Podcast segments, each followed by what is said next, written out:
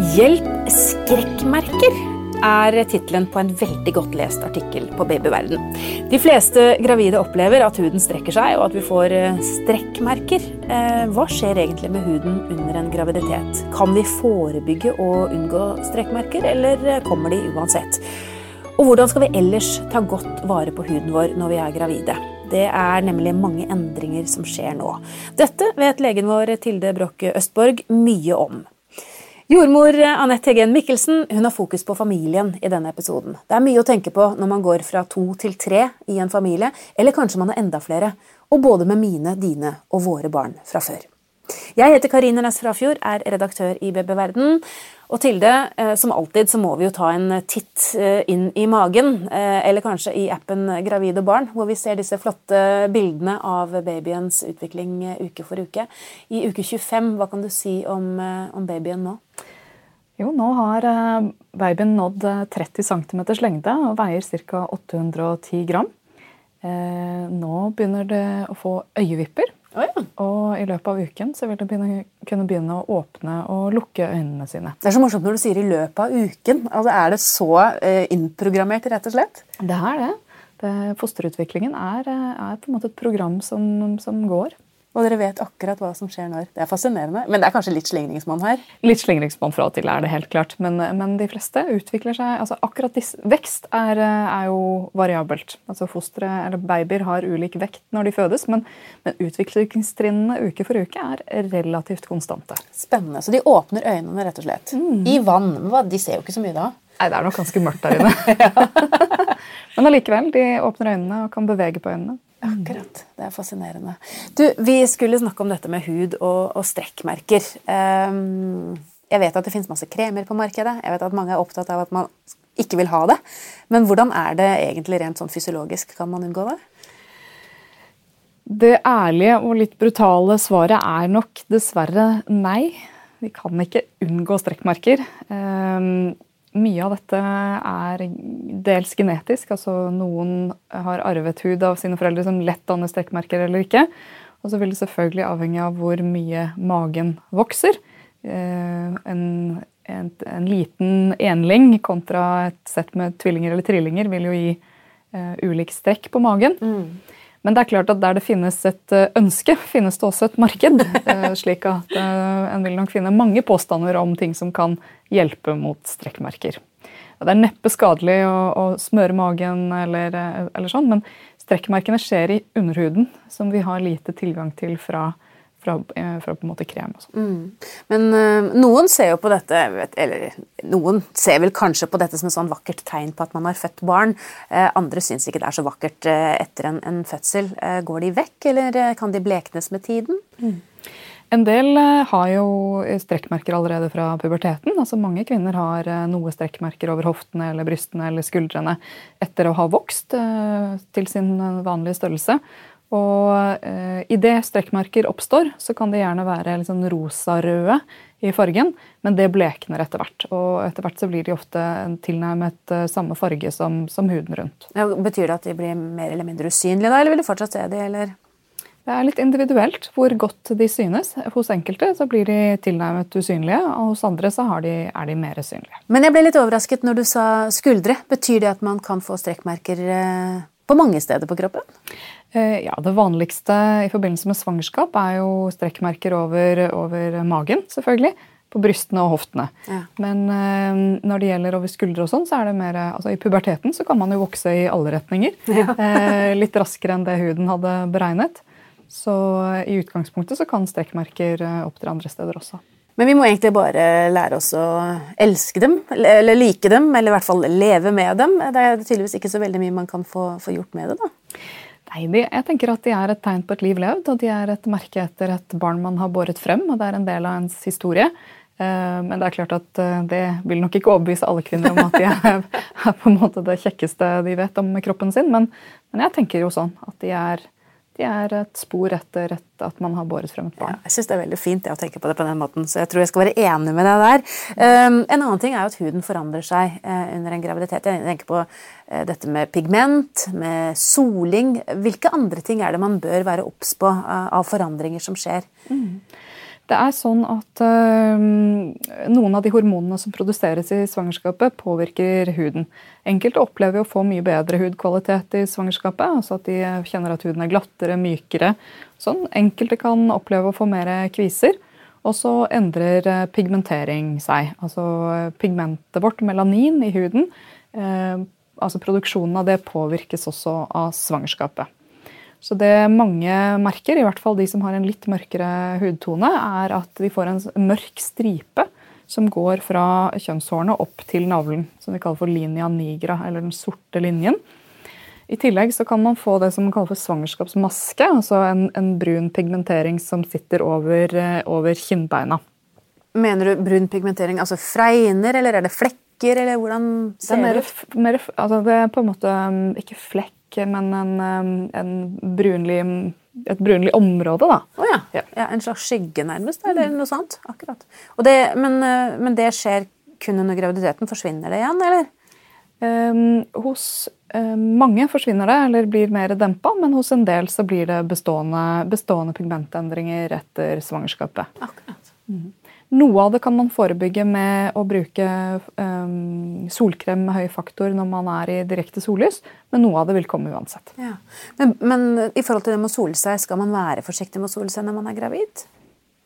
Altså, vi vet jo at veldig mange gravide i, altså veldig mange mennesker i Norge og Norden har D-vitaminmangel i utgangspunktet. Sånn at eh, Det er ikke sånn at man trenger å avstå fullstendig fra, fra soling. men men um, det er klart at uh, god beskyttelse og faktor bør man alltid bruke mm. hvis man har en lysere hudtone. Men man kan da få uh, større plager med huden når man er gravid, enn når man ikke er det?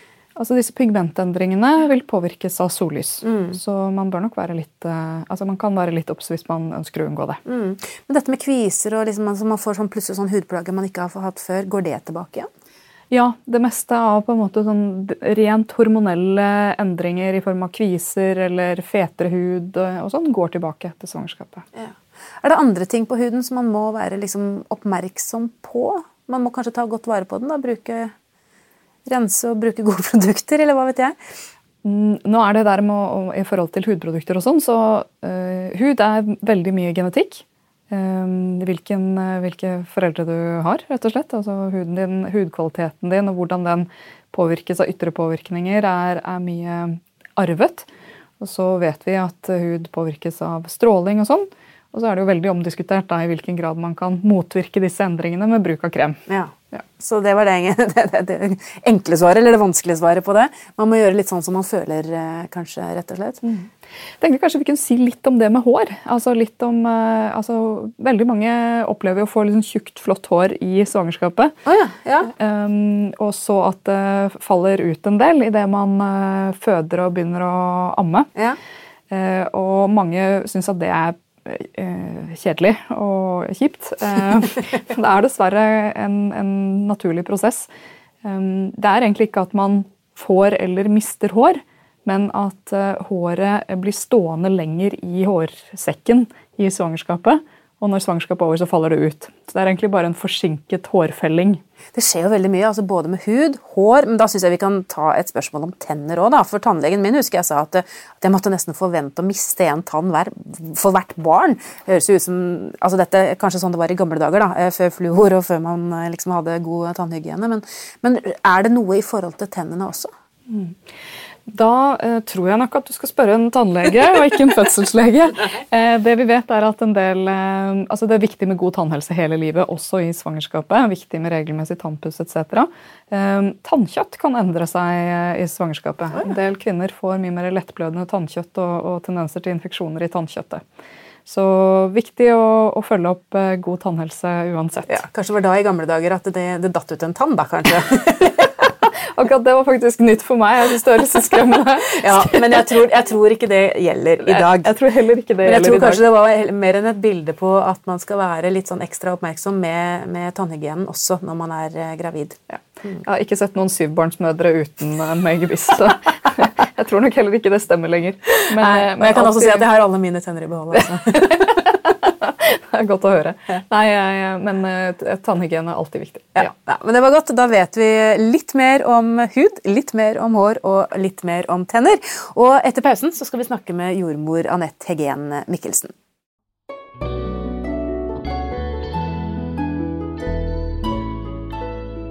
Da er vi altså i uke 25 av Babyverdens podkastserie Graviduke for uke.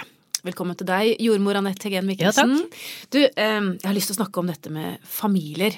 Fordi mm. eh, alle er jo med i en familie, men familier det er så mangt. Mm -hmm. eh, og jeg kan tenke meg at du som jordmor eh, møter mange ulike konstellasjoner på ditt kontor. Altså vi ja. har jo alt fra de som på en måte er alene mm -hmm. og som skal få et lite barn, -hmm. til de som har vært gift både én og to og kanskje enda flere ganger. Ja, og har barn både her og der fra før. Og alt dette skal på en måte smelte sammen da, eh, når man får et nytt lite familiemedlem. Mm. Hvordan er det for deg å møte så mange ulike mennesker? Ja. Det, det, kan du si. Altså, da har jeg lyst til å si at det var enklere før. For da var det mor og far og barn. Ja, da var det mor og far og barn. Ja. Eh, og det er selvfølgelig bare tull. Fordi at Det var ikke så enkelt da heller. Det var vel ikke så enkelt da heller. Men, men, det er riktig det at det er jo mange som får en ny familie. Eh, og har eh, andre, andre barn andre steder og så videre sånn, og skal få dette til å stemme eh, sånn rent logistikkmessig er jo noen ganger litt vanskelig, men, mm. men jeg tenker at en ting som jeg opplever fra tid til annen som kanskje forundrer en del foreldre som har vært sammen med eller gift med en partner før, og har barn med vedkommende, det er at det kan oppstå en del ting som ikke er så greit. Og da tenker jeg også rett og slett på sjalusi. Oh, ja. Eh, fordi at det, det, er jo sånn at eh, hvis man har barn med en partner, og man etter hvert har funnet ut at man skal gå fra hverandre, så har man jo i hvert fall disse barna sammen. Mm. Og det gir jo en slags samhørighet, og man må jo for all evig tid faktisk forholde seg til den man har barn med. Og det er nok lett å glemme fra tid til annen. Ja. Men uansett hvor uvenner man blir, så må man prøve å løse dette med barna på en fornuftig måte.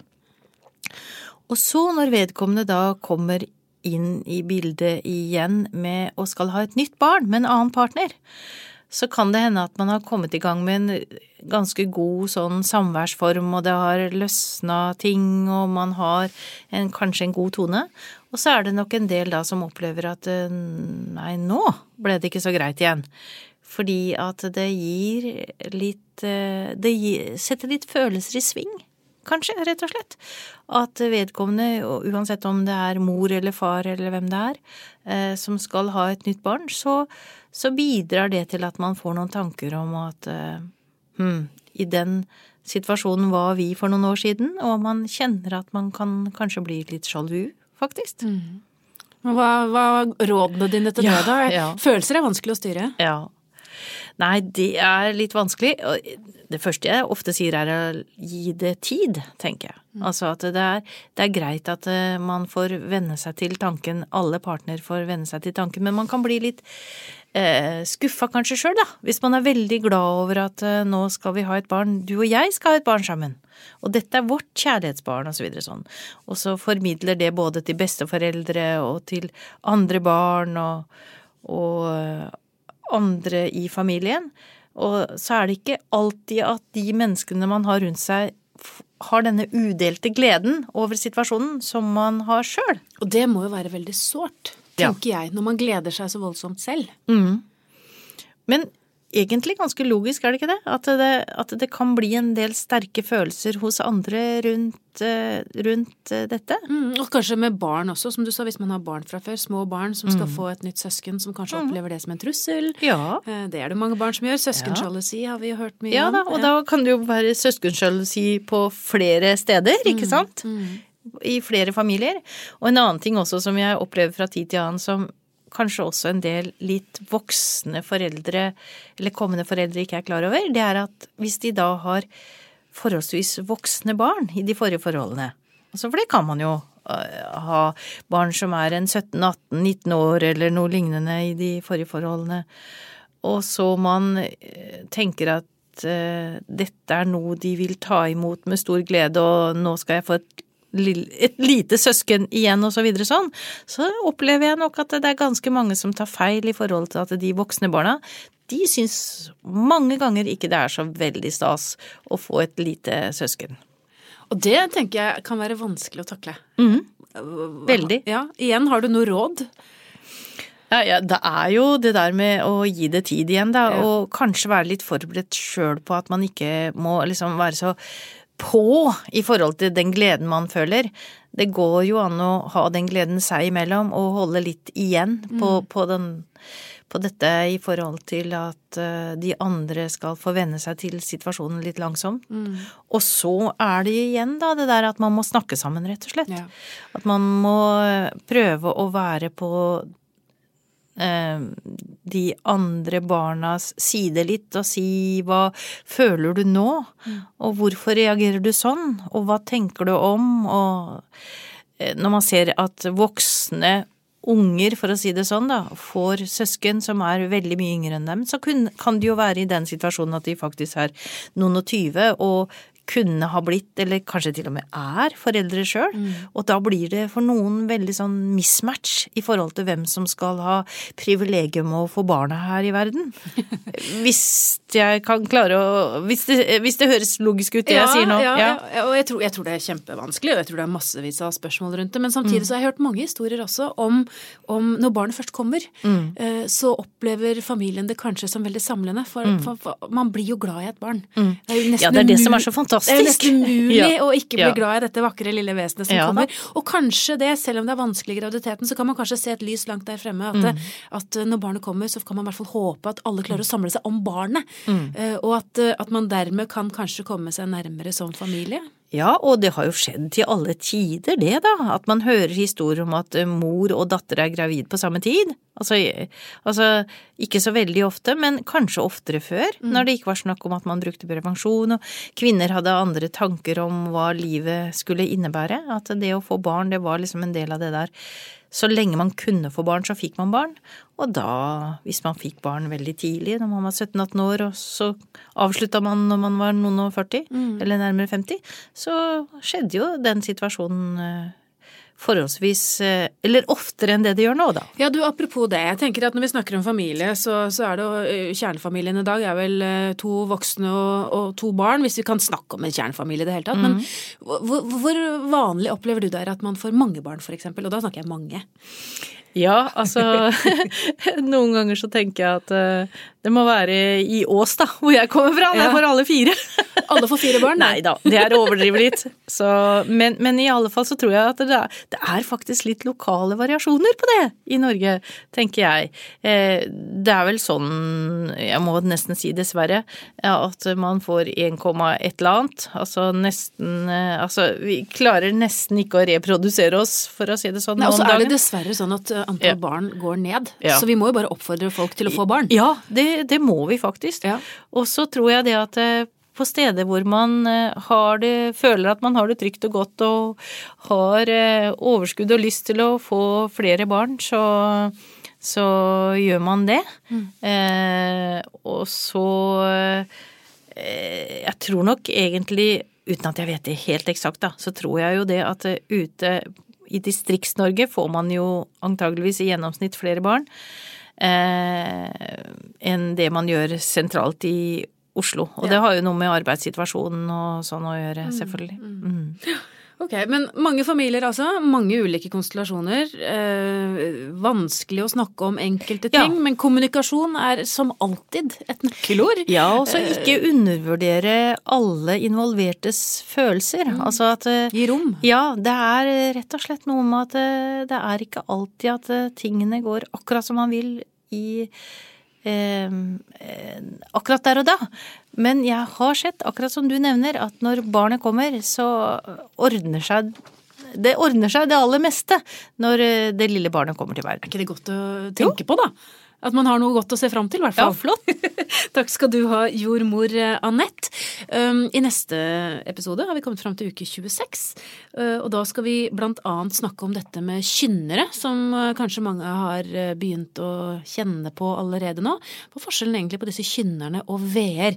Det skal lege Tilde Broch Østborg fortelle mer om i neste episode, når vi har kommet fram til uke 26, altså. Hvis du vil ha mer og troverdig informasjon om graviditet og småbarnstid, finner du mange tusen artikler på babyverden.no. Last gjerne ned appen vår Gravid og barn, så kan du følge din babys utvikling uke for uke, både før og etter fødsel. I appen finner du også artikler, morsomme verktøy, gode tilbud og selvfølgelig også alle podkastepisodene våre.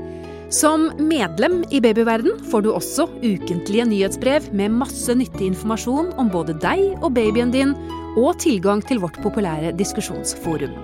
Våre medlemmer er også med i trekningen av flotte premier hver måned helt fram til barnet fyller ett år. Alt er selvfølgelig helt gratis. Det er også Babyverden som utgir Spedbarnsboken, som du kanskje har hørt om. Vi har gitt ut Spedbarnsboken gratis helt siden 1964, og den får du på de fleste sykehus etter at du har født. Men hvis du vil ha boken tilsendt i posten før fødsel, kan du bestille den via babyverden.no eller appen vår.